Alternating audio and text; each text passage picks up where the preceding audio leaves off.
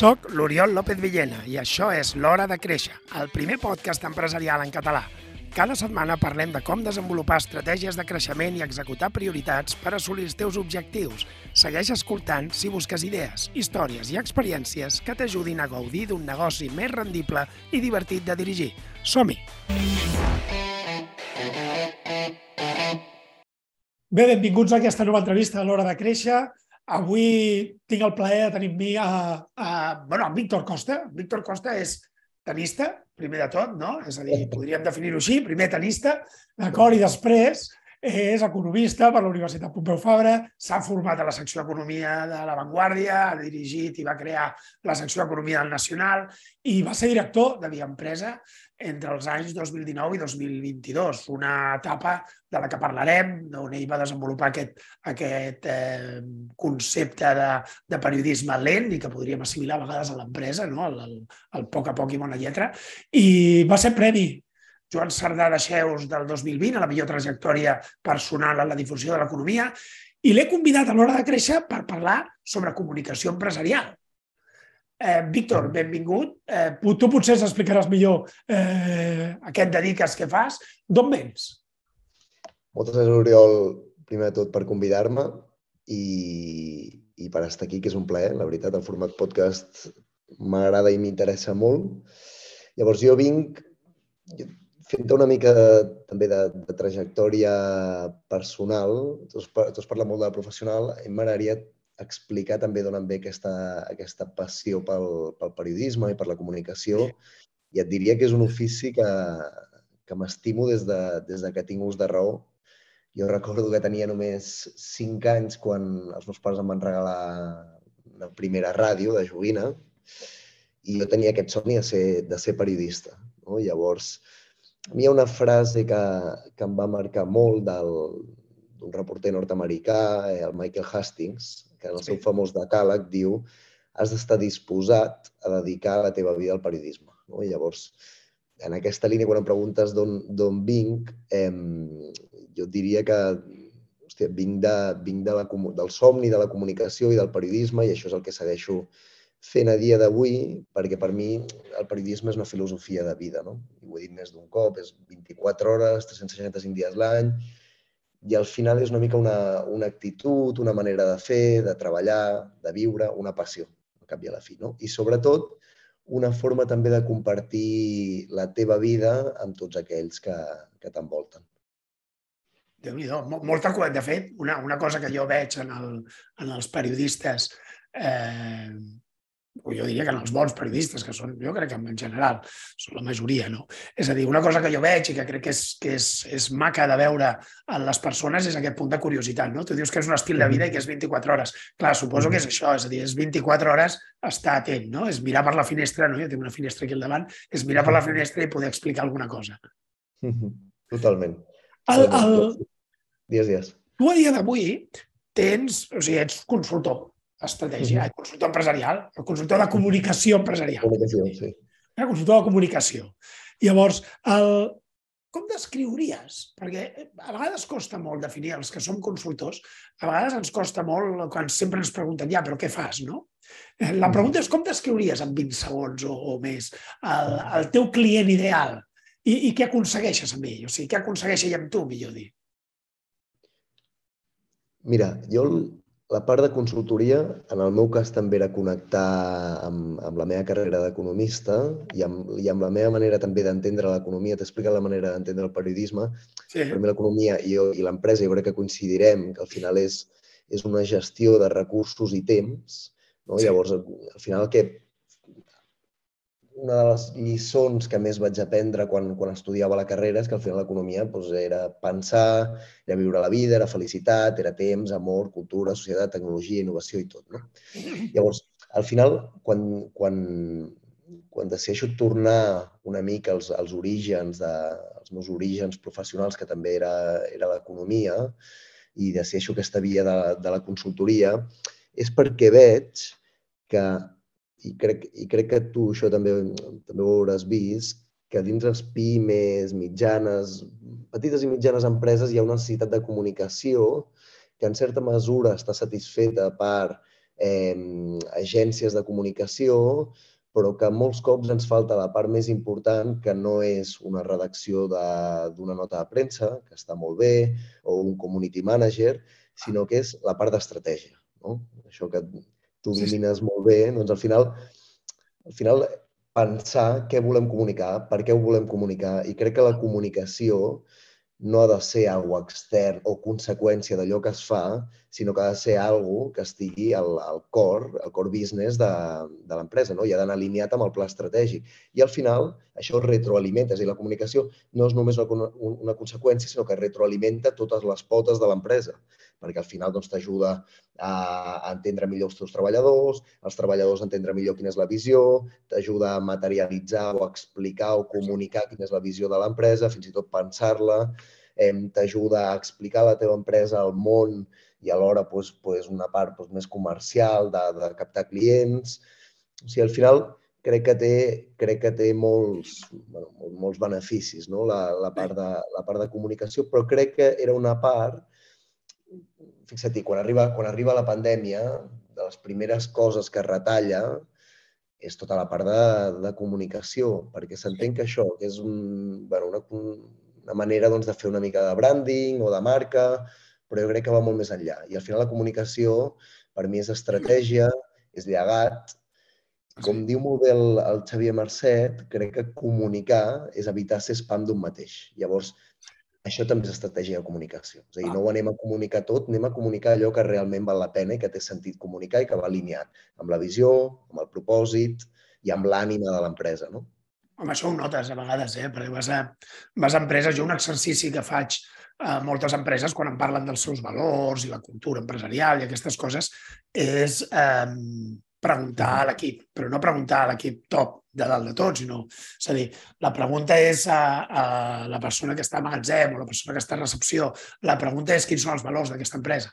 Totalment. I, i et sorprendries, no? I els, els empresaris moltes vegades se sorprenen de, de veure que no, o que no saben respondre, d'acord? O que responen coses que no tenen res a veure amb, la, amb el que l'empresari o l'equip directiu tenien al cap. Vull dir que la, la comunicació, sí, estic totalment d'acord amb tu, és a dir, no és, no és un component només, que també, de màrqueting i, i, i podríem dir, i, i credibilitat i visibilitat, sinó que hi ha un component d'explicació interna molt important. Sí, sí. Clar, i el, el... He de dir que a mi entrevistar algú com tu, d'acord, un economista i periodista, sempre et dona aquell punt de, de, de respecte. O sigui, jo no, no, potser no ho veieu, no? Però, però, però per mi és un respecte, no? perquè és algú que s'hi dedica, és a dir, que, que ens ha acostumat al llarg dels darrers anys a fer molt bones entrevistes a gent molt diversa del món empresarial i també futbolístic. Eh, per mi, per mi Oriol és un repte perquè jo acostumo a estar a l'altre costat. Correcte, no, jo, jo veu, això, això és com si tens un amic, això és com si tens un amic psicòleg, no? que quan parles amb ell penses, hòstia, aviam què, què estarà pensant de mi, no? Doncs pues això és el mateix, ostres, què estarà pensant el Víctor, no? Que, que en sap d'això d'algú com jo. Jo una cosa que vaig aprendre molt de, de o que he après de, de tu, d'acord? Vaig aprendre i encara ho segueixo aprenent, és que des de Via Empresa tu vas començar a defensar, no? defensàveu allò del periodisme lent. I, I pensava que això en realitat a l'empresa també passa, no? que, és, que és a vegades, i en el tennis, potser fins i tot, eh? eh que a vegades ens passa amb la informació que busquem massa velocitat i poc control, poca direcció, poca comunicació, o sigui, poc saber exactament què volem dir. A vegades veus com molta necessitat de comunicar molt ràpidament sense tenir en compte aquest punt de, de dir, amb què estem comunicant.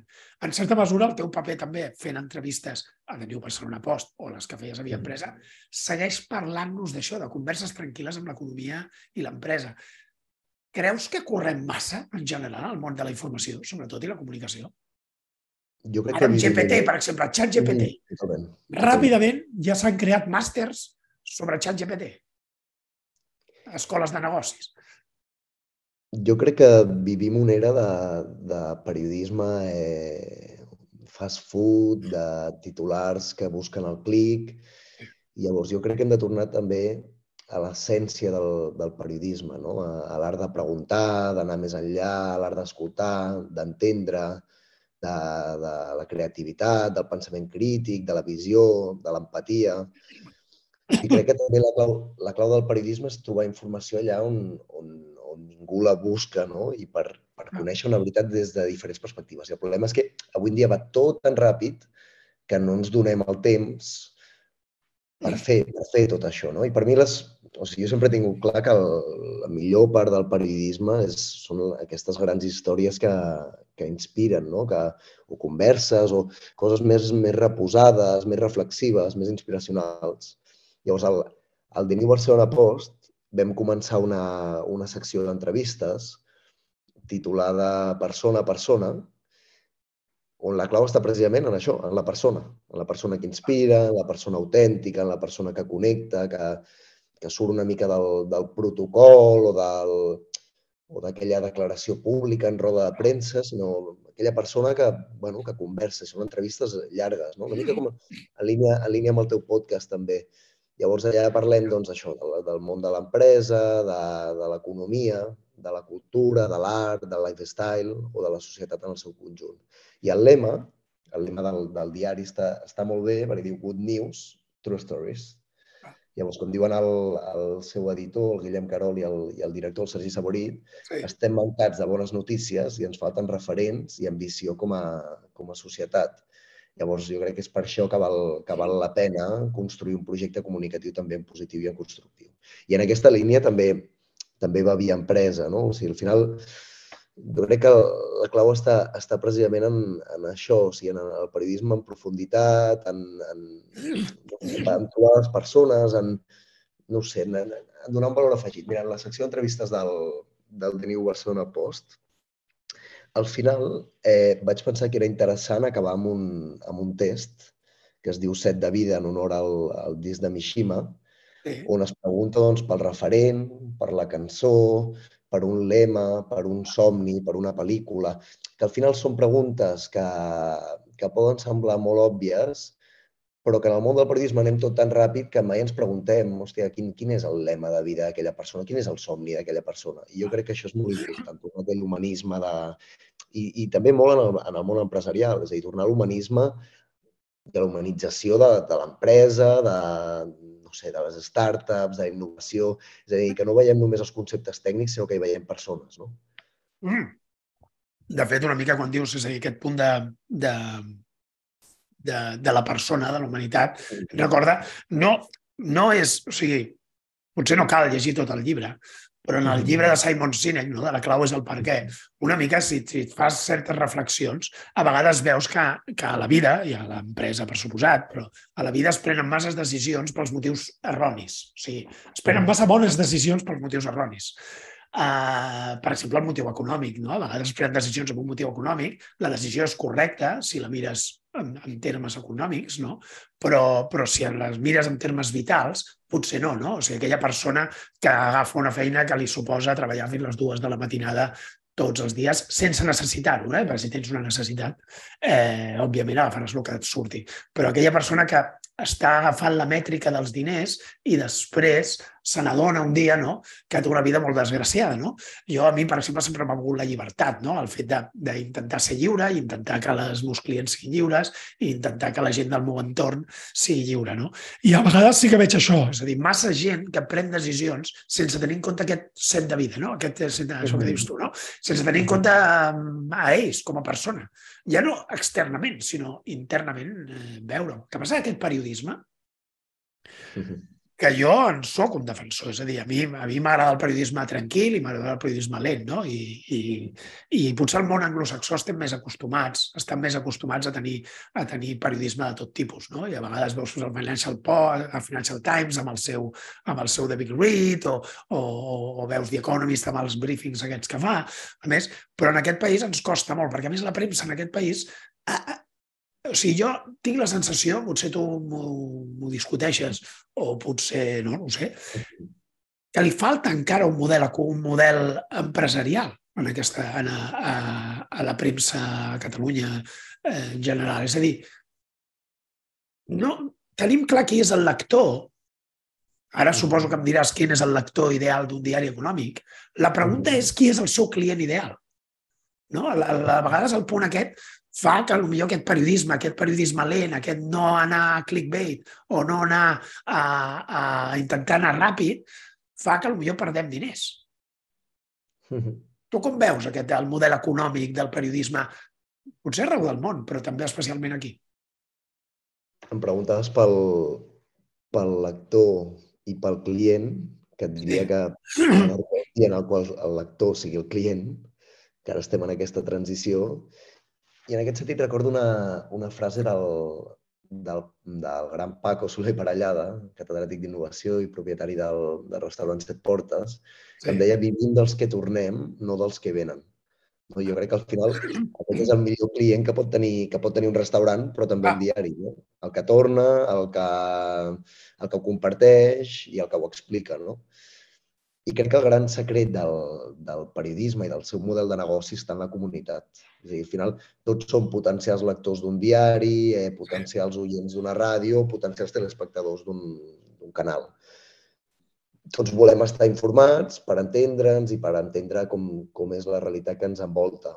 Però la clau està en saber situar doncs, el lector, que ha de ser el client, al centre. No? Sí, el que passa que això és el que, el que deia Josep Pla, no? Tot això qui ho paga? Exacte. bueno, qui paga la festa? Sí, sí. Sí, sí. O sigui, al final... bueno, I al final també hi ha aquest punt de doncs, els lectors al final no són només consumidors d'informació, sinó que són també generadors de, de notícies. Ah. Llavors jo crec que jo crec que la clau està en això, en, en fer que, bueno, que, el, que el lector torni i que el lector acabi pagant per la informació perquè, perquè considera doncs, un servei que li aporta un valor afegit. Llavors, és aquí quan dic que només el periodisme doncs, més de qualitat, que no de quantitat ni de masses, el periodisme més de comunitat és el que tindrà el millor model de negoci, perquè al final és el que és capaç de fidelitzar la comunitat i de donar-li un servei que no té a un, a un lector. No? És a dir, el lector al final, si llegeix la mateixa informació tot arreu, per què ha de pagar per un diari? Si allò que no ho llegeix allà ho pot llegir a l'altre lloc, Sí, no? no? No sé qui ho deia, allò de explica'm, explica'm una cosa que no sé d'una manera que no m'ho hagin explicat mai, no? Això ho deia algú relacionat amb el món de la premsa, però no el recordo. Mm-hmm. Exacte. I després em deies, em deies la part de, de model també, una mica la comparativa entre, entre països, no? quan, quan és el The Economist o el Wall Street Journal o el Financial Times. Jo, és curiós que, que posa aquests casos també, perquè jo vaig estar vivint eh, mig any a Anglaterra, feia d'articulista d'opinió i bueno, vaig fer de professor assistent també a la, a la Universitat d'Exeter. I al final el que me n'adonava és que el, el debat sobre el pensament econòmic forma part de la dieta informativa dels països anglosaxons. És a dir, està a l'ordre del dia, tothom parla d'economia, perquè entenen, tornant al que dèiem abans, que l'economia és una forma de, de viure i d'entendre la vida. No? Clar. I et poso, et poso dos exemples també per, per veure una mica la comparativa entre els països anglosaxons i aquí, jo vaig ser precisament a Anglaterra, eh, on vaig conèixer una, una carrera, una triple carrera que no existia aquí, que crec que és, és molt significativa, que és eh, política, filosofia i economia. No? El, el PPI, en anglès, que són tres grans disciplines, una carrera que ara ja està aquí, però que reforça aquesta part de pensament de l'economia, no? no només les notícies més de, de borsa o de cotització Exacte. o d'operacions, sinó, hòstia, anem a pensar quina és la visió de, de l'economia que tenim. I després l'altre, a Manchester, va néixer un moviment que es diu Post-Crash Economics, que analitza eh, i debat sobre el paper de, de l'educació de l'economia a les aules, des del pluralisme sí. i, el pensament, i el pensament crític, Llavors, que vol que es vagi més enllà de, doncs, de models a vegades eh, de model clàssic neoliberal i que s'explorin altres models o almenys, o almenys es pensin altres models. No? I, I això va arribar també a Barcelona, amb, el, amb Postcrash Barcelona i Rethinking Economics, però me n'adono que aquests moviments originàriament estan a Anglaterra. Ah. Llavors jo crec que això també es trasllada al periodisme, on al final te n'adones que aquí eh, la vessant de periodisme econòmic...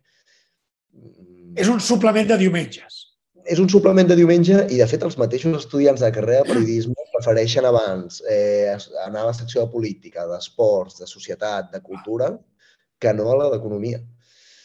Llavors, al final, al final jo crec que The Economist, Wall Street Journal, Financial Times són grans marques que tenen una influència arreu del món i que aquí jo crec que ens ho estem començant a, a creure, que això va canviar molt amb la crisi econòmica, que amb, cada cop hi ha més consciència que l'economia no és un concepte abstracte, sinó que afecta les butxaques, que forma part del dia a dia, no? que al final són aquestes decisions, eh, aquesta presa de decisions amb un temps, amb un temps finit.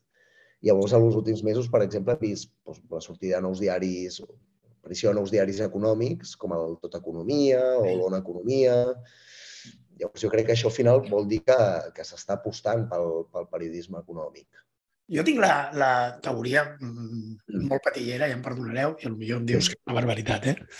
Però eh, lligat a el que deies ara, no? de, la, de la carrera aquesta um, a Anglaterra sobre el PPI, no?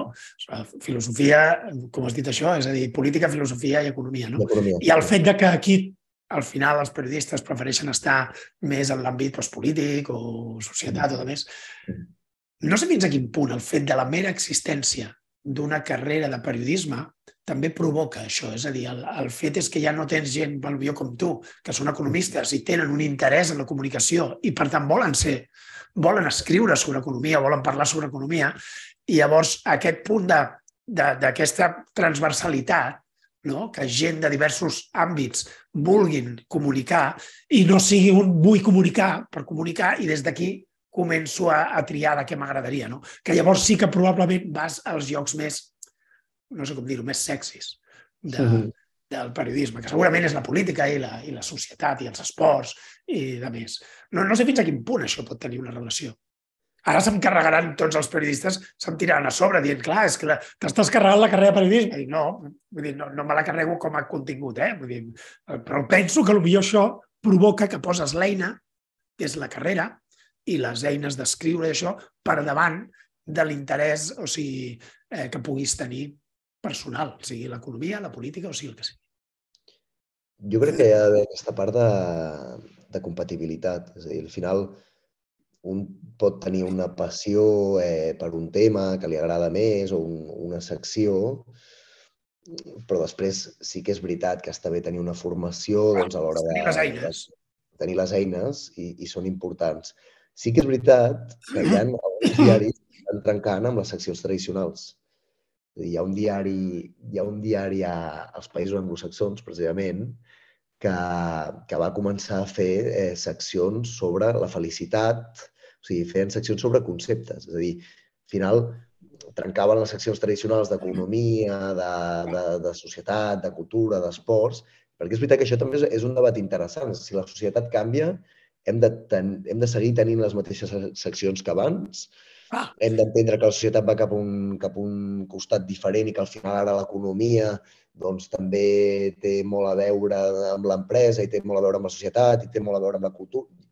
I que, a més, és, és, és veritat, perquè hi ha un, hi ha un component logístic, eh, logístic, holístic en moltes de les, en moltes de les decisions polítiques, empresarials, eh, econòmiques, fins i tot en el món de l'esport. És a dir, per què un periodista que és economista també o que sap d'economia no pot parlar o no pot escriure a la secció d'esports eh, quan parla, hi ha un tema que parla del Barça i del seu futur, no?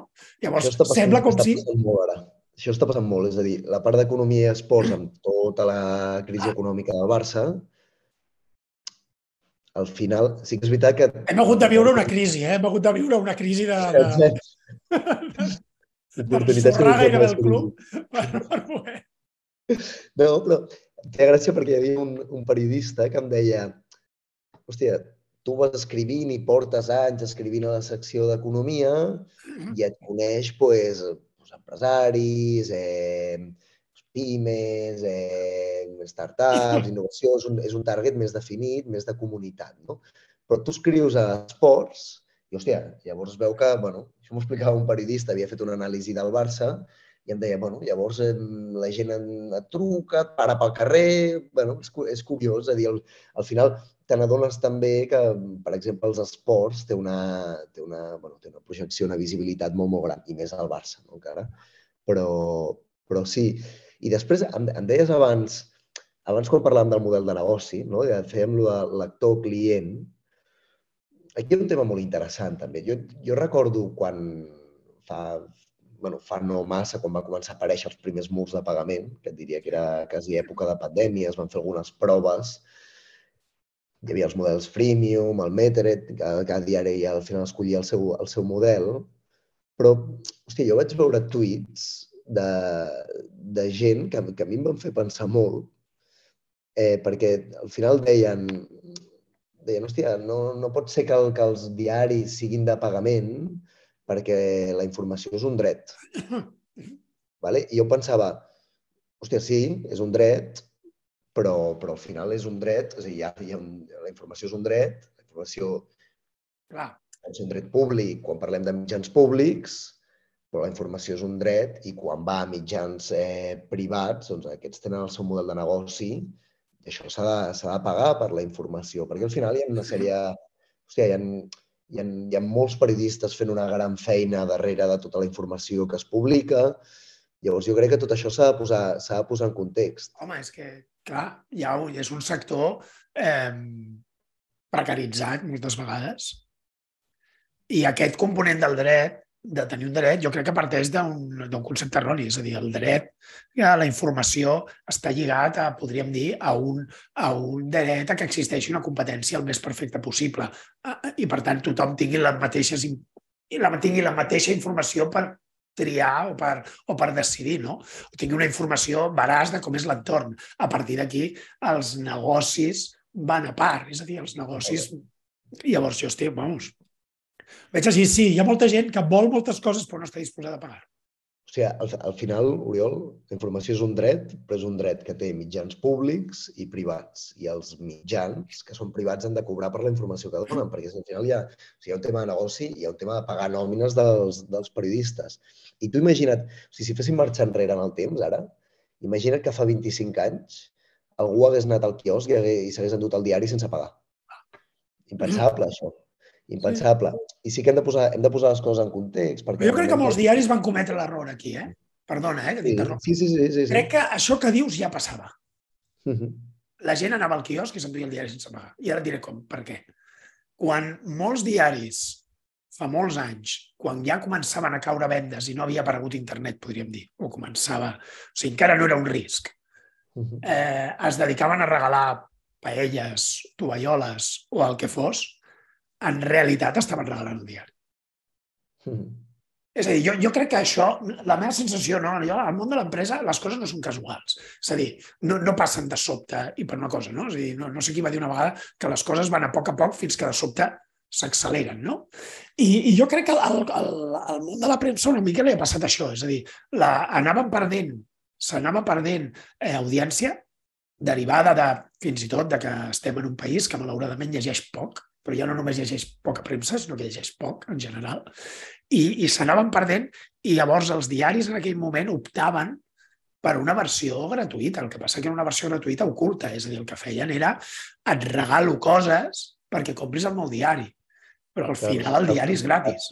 Però s'estan oblidant de, del cor del model del negoci, que és informació. No és ah. ni els productes que regalen, ni, saps? Però llavors la gent accepta, accepta aquest joc, és a dir, jo només compro el diari si em regala alguna cosa.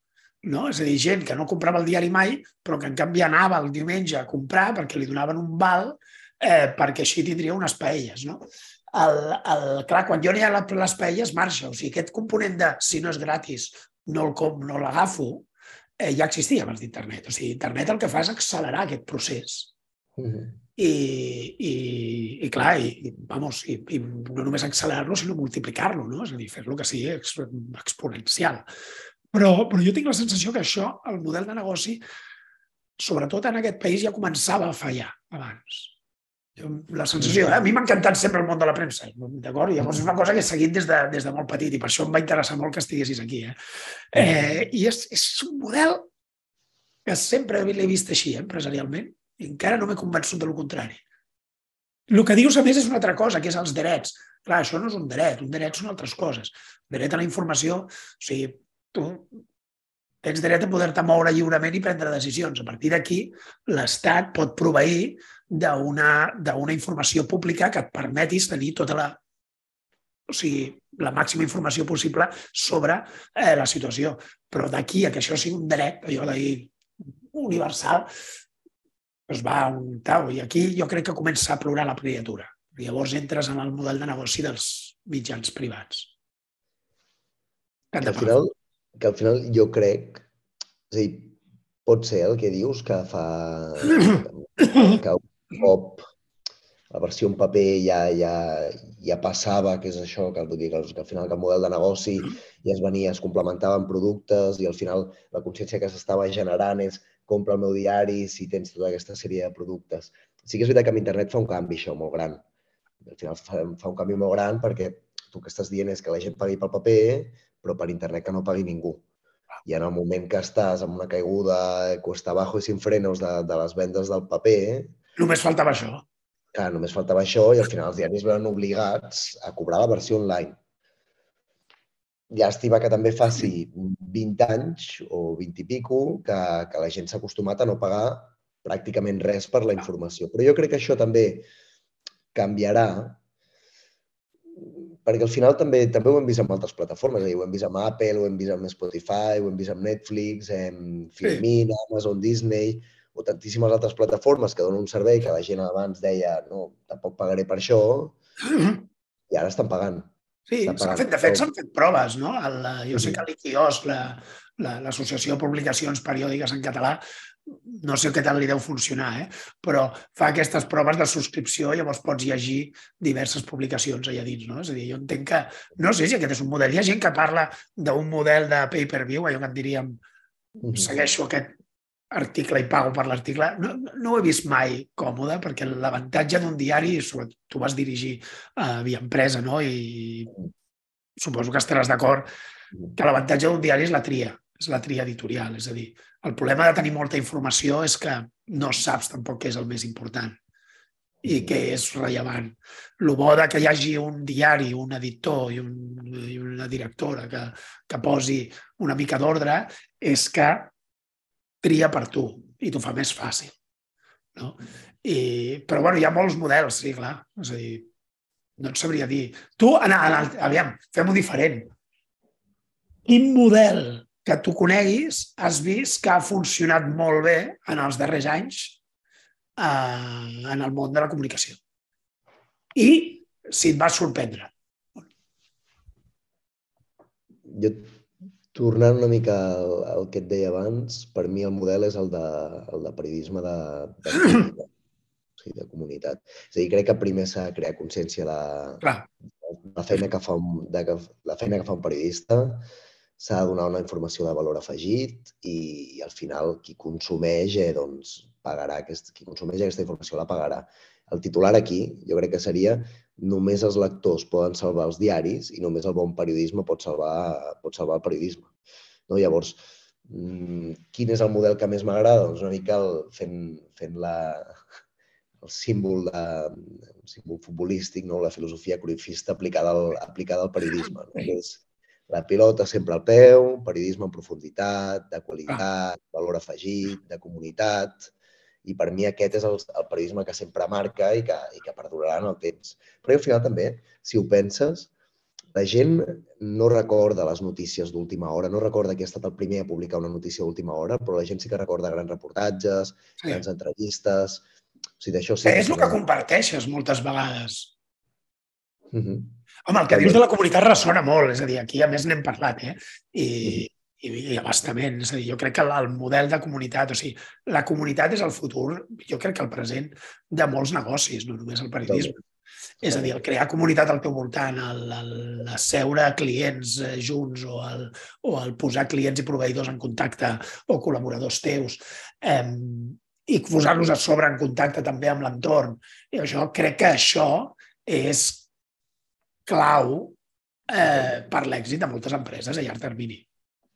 O sigui, al final estic d'acord amb tu, el que no és, no és un tema només del periodisme, estic del periodisme, sinó que en el món de l'empresa ja passa. És a dir, crec que s'ha de reivindicar el gran poder de la comunitat i, el, i de l'ecosistema, també. I al final això s'ha de cuidar tant com es pugui, sempre tindrà un retorn. I, i al final, en el cas del, del diari, també a nivell de model, jo amb això també he trencat una mica la mentalitat. Per mi el diari no és un agent passiu no? que explica només, només el, que, el que veu al seu voltant. O sigui, per mi hi ha una part de, de construcció, de, de relator i construcció de la realitat, també. Vull dir, en un diari passen coses. No només s'expliquen coses, sinó passen coses i fan que passin coses, no? Llavors això torna, tornant amb el que dèiem abans, aquesta part de comunicació estratègica. Llavors, al final, també, a nivell, a nivell de model, per exemple, les, que he vist, que he vist al llarg d'aquests anys, que per mi les xarxes socials són com un, són com un quiosc. És a dir, al final la gent entra en una xarxa social i hi ha una tria de l'algoritme que li ensenya una, una sèrie de notícies. Però encara hi ha alguna molt millor que és eh, la newsletter. No? Per mi la newsletter és com el diari que t'arriba a casa via correu. I això crec que és la fidelització màxima de, de la comunitat. Home, però a nivell de Yes, yes. Tu saps, perdona eh, que t'interrompi, però tu saps que n'hem parlat que hi ha aquest, per exemple, hi ha un butlletí eh, diari eh, que és gratuït i és, és en anglès, es diu Morning Brew. Uh -huh. És d'una gent que fan notícies econòmiques cada dia i les fan d'una manera molt especial i això és crear comunitat de debò. Fins i tot venen, podríem dir, tasses de... que no, no és aquesta, tasses de, de Morning Brew, és a dir, és aquest concepte de formar part d'alguna cosa. No? Totalment. I butlletí és això, al final. Totalment. Sí, sí. O sigui, al final és, bueno, és periodisme directe, el butlletí. És a dir, t'arriba el correu, és la tria aquesta, és la per aquesta edició que comentaves tu. Qui ho anava a dir? La, I crec que també la clau del model de negoci està en, en tenir un target ben definit, en treballar amb la comunitat, han invertit també en nous formats, com, com és aquest que estem fent ara en podcast o continguts audiovisuals, i canviar una mica la mentalitat del periodisme de no només fer un paper de denúncia o de fiscalització del poder, sinó també explicar, compartir i construir aquesta realitat, aquesta realitat que ens envolta. I m'agrada dir, dir també que, el, que per mi el cercle virtuós del periodisme és, eh, és periodisme i periodistes, és audiència, és comunitat, és model de negoci, és marca i és aliances, també. I això crec que és el que eh, construeix l'ecosistema, no? aquestes aliances entre mitjans, aquestes aliances també doncs, per, per, bueno, per construir un, un periodisme i una comunicació millor. Home, clar, però aquí, aquí hi ha feina a fer, eh? Molta feina, sí, sí, perquè al final... En, també... en el país de la capelleta, això, això, això que dius és, molt, és com un repte no? I que al final cadascú té com la seva parcel·la, però, però el futur és el de les aliances, el d'anem a fer projectes compartits... I més com vols fer un passar això. És a dir, hi havia diferents mitjans de, de tot el món i tots treballaven pels Panama, pels, pels Panama Papers, en, a la recerca d'una veritat. Vull dir, crec que, hòstia, això és maco. Costa que passi moltíssim, però, Sí, de fet tu ho has dit, però jo crec que això, que és això que comentes, eh? en qualsevol empresa, i no només en el món de la comunicació, que és el que tu domines, però és veritat que, que el tenir clar... bueno, és el primer que et demanen els consultors de comunicació, el primer que et demana una empresa, suposo, és a qui et dirigeixes, no? Qui és el teu... O sigui, a qui, a qui, a qui li vols dir alguna cosa, no? Per dir... I, I jo crec que això és la pregunta bàsica de qualsevol empresa. Jo sempre defineixo l'estratègia moltes vegades d'una manera molt simple. No? La meva pregunta és a qui ajudes a aconseguir què? O sigui, el, el qui forma, és el primer, és la primera part de la pregunta. No? I és una cosa que potser sovint poques empreses es fan perquè qualsevol cosa els hi val, perquè la mètrica és tenir moltes visites o moltes ventes en aquell moment o, o molts lectors en un diari, quan la mètrica hauria de ser això que comentaves, no? és a dir, quanta gent torna. És a dir, quanta gent passa de la venda o d'haver llegit un article a repetir, no? I a dir, ostres, doncs vaig aquí i vull veure ben què passa, no? què s'hi cou. I crec que aquest és el repte, de, de fet, de totes les empreses. És a dir, i això... També en el moment que vivim, les mètriques es basen molt més en quantitat que no en qualitat. I crec que aquí està, està la diferència. És a dir, al final pensem molt en les masses i a com arribes a un públic de masses, però crec que la gran pregunta és la que deies tu. A quin públic quin és el teu target, a qui, a qui li vols parlar o a qui li vols comunicar. Ara parlaré un exemple. Em va enviar un mail un, un conegut ara fa, ara fa un, uns mesos, no? que em deia, home, Oriol, tu, jo que segueixo molta gent i això, hauries de tenir no sé quants seguidors i milers i no sé què, i crec que hauries de fer més coses per aquí, més coses per allà. Em donava moltes lliçons, però si anaves a la seva web, era una web feta, com si diguéssim, l'any 92, d'acord? I, I amb poca comunicació. No? Jo, jo tinc 10.000 contactes a, a LinkedIn i tal, i, i tu em sembla que tens 5.000 i pico.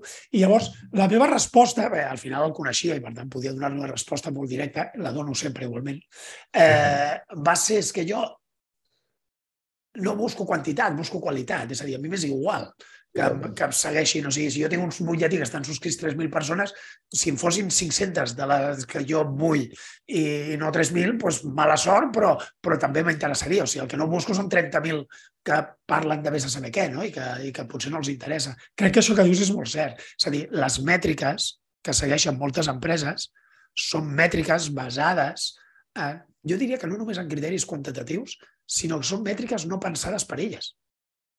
Mm -hmm segueixen les mètriques del del costat. I el del costat, millor la quantitat és important per ell, però potser per tu no. I el que sí, diuen també és... Un negoci low cost busca volum. En canvi, un negoci que, que és premium i que és molt més exclusiu no busca volum. Per tant, és absurd que les mesuris de la mateixa manera. Totalment. Sí, sí, tens raó. Aquí el, que, aquí el que diuen també és que al final és molt més fàcil eh, mesurar la part quantitativa que no qualitativa, no? Sí. Qualitativa jo crec que implica fer-te també una sèrie de preguntes que, que segurament seran difícils de, difícils de mesurar, però jo crec que ha de ser... té molt més sentit construir des de la qualitat que no des de la quantitat. Per la quantitat crec que molts cops és pa per avui i gana per demà. Bueno, és que la quantitat has de ser capaç perquè la quantitat funcioni has de ser capaç de mantenir el ritme, Clar. primer de tot. Llavors és clau de la pròpia quantitat. I això no és tan fàcil. O sigui, jo, a part del model de negoci i tot plegat, el primer, quan tu vas a quantitat, és com quan tens un negoci que es dirigeix, podríem dir, a un sistema low cost. Uh -huh. Has de ser capaç de que el teu preu sigui sempre el més baix, per tindràs competència. O sigui, ja no és si pot funcionar o no, que això ho discutirem, no? És si pots realment mantenir el ritme perquè tindràs competència que baixarà el preu. I llavors, tu com ho faràs? No? Amb la quantitat és el mateix. Tindràs competència, com per exemple robots, d'acord, que puguin escriure a molta més velocitat que tu i molt més ràpid. Mm -hmm. vale? I per tant, clar, la quantitat, eh, el tema és si la pots mantenir. Escolta una cosa, aviam, també dius el tema aquest de la quantitat i per què mesurem per això, no? Jo et diria una cosa que és tu has acabat fent o has acabat, o estàs... De fet, no has acabat. Jo crec que segueixes fent el mateix. Vale? O sigui, tu dius que et dediques a la consultoria eh, de comunicació. Personalment crec que ja t'hi dedicaves. És a dir, qualsevol que t'hagi llegit, d'acord, i això podeu anar als, als oients i evidents, podeu anar a, a, a Via Empresa o a Teniu Barcelona Post i mirar articles, ja veureu que coincidireu amb mi. És a dir, qualsevol que t'hagi vist ha, ha vist comunicació, és a dir, ha vist comunicació empresarial allà. O sigui, jo quan, quan, quan llegeixo un article teu, eh, quan he llegit un article teu, sempre he vist una, aquest esperit que tu has comentat, no? de saber què és el target, què es vol comunicar, mm. anar molt a l'arrel, la cultura o els valors, la part personal, això que et diu set de vida...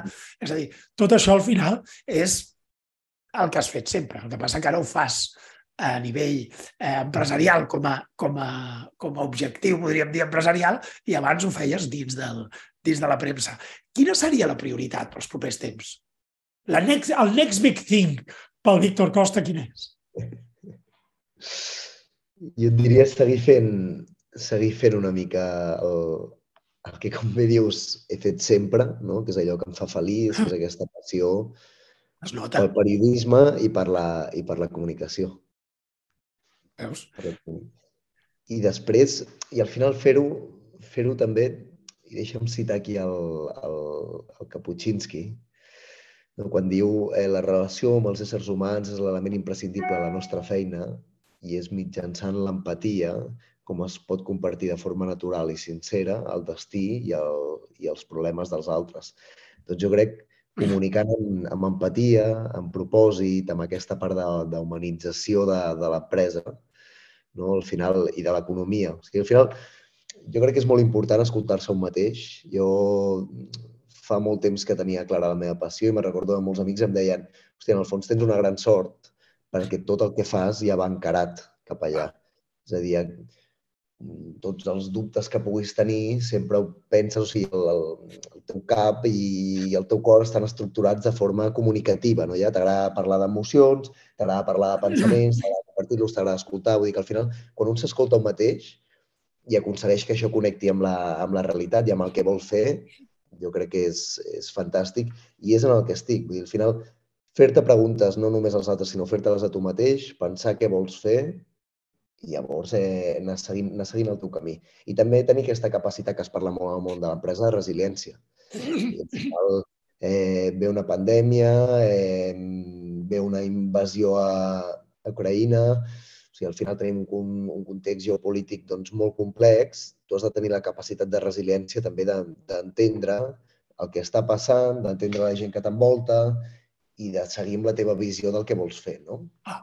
I, jo crec que al final el, què vull seguir fent? Doncs, doncs al final això, dedicar-me al, al periodisme, a la comunicació, que és el que he fet tota la vida, és la meva passió, i, i, i seguir lluitant per un somni que crec que és, que és algo que val la pena, no?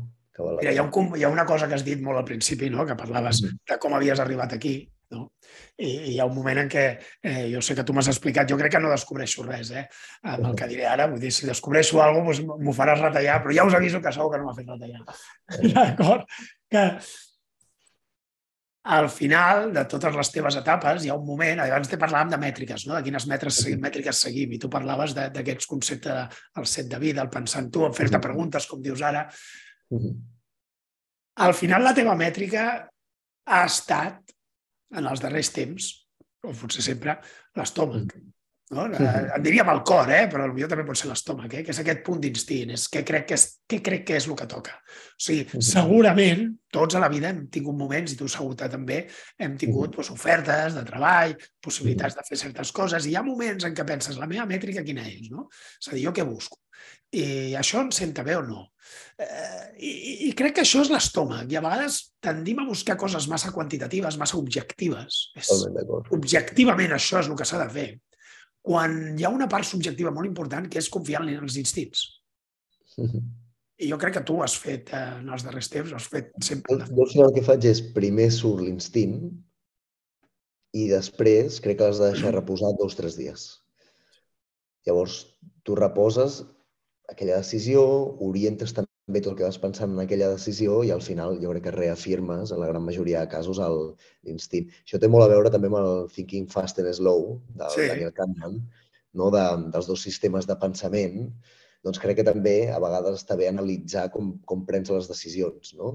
com, com es produeix aquesta presa de decisions i l'estoma, l'instint que deies tu, doncs crec que és un, un molt bon, una molt bona eina per decidir. Perquè al final en l'instint hi ha molta part de subconscient, d'experiències que has viscut, de, de sentiments que has tingut. I sí que hi ha molta gent que diu, bueno, no, però l'instint a vegades també té un viatge. Sí, el té, però crec que mm, el pot tenir de cara als altres, però no de cara a tu mateix. És a dir, al final l'instint respon a tot allò que tu, i la intuïció respon a tot allò que tu has viscut i has pensat. No? Llavors, és escoltar-te tu mateix, és la màxima representació d'escoltar-se un mateix. Molt bé, escolta, gran manera d'acabar amb Daniel Kahneman i Thinking Fast and Slow. És a dir, el, el... de fet, la, la, la gràcia del Daniel Kahneman és que quan li han preguntat sobre si bé ell pren millors decisions, no? eh, sempre diu que no. És a dir, que que una cosa és saber per on falles, no? I, i l'altra cosa és, és saber com, com superar-ho, no? I, el.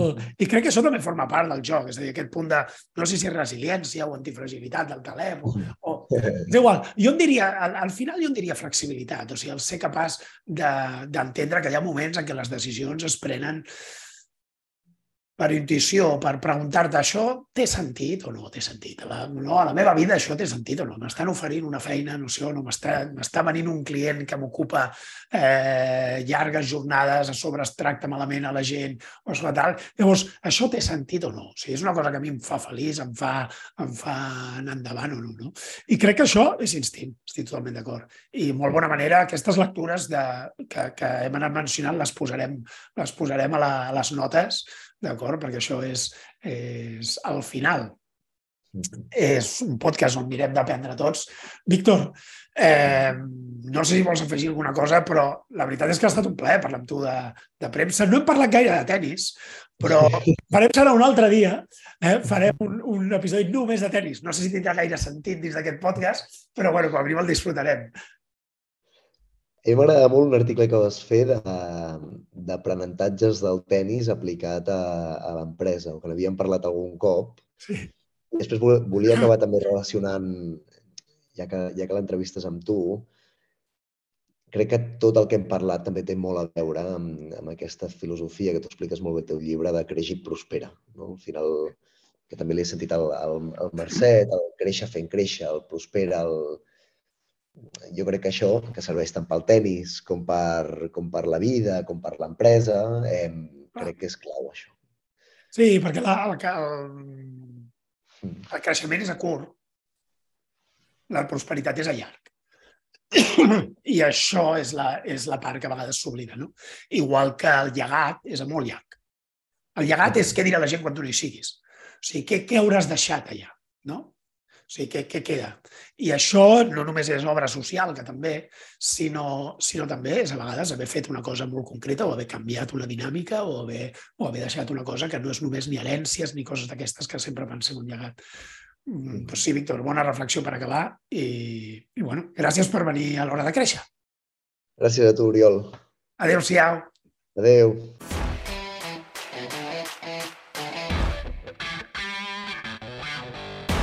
Gràcies per acompanyar-me en aquest episodi de l'Hora de Créixer. Si t'ha agradat, ja saps què has de fer. Escriu una ressenya, comparteix-ho amb algú i uneix-te a la comunitat de les empreses proactives. Gràcies per escoltar-me i recorda, l'acció és qüestió de prioritats.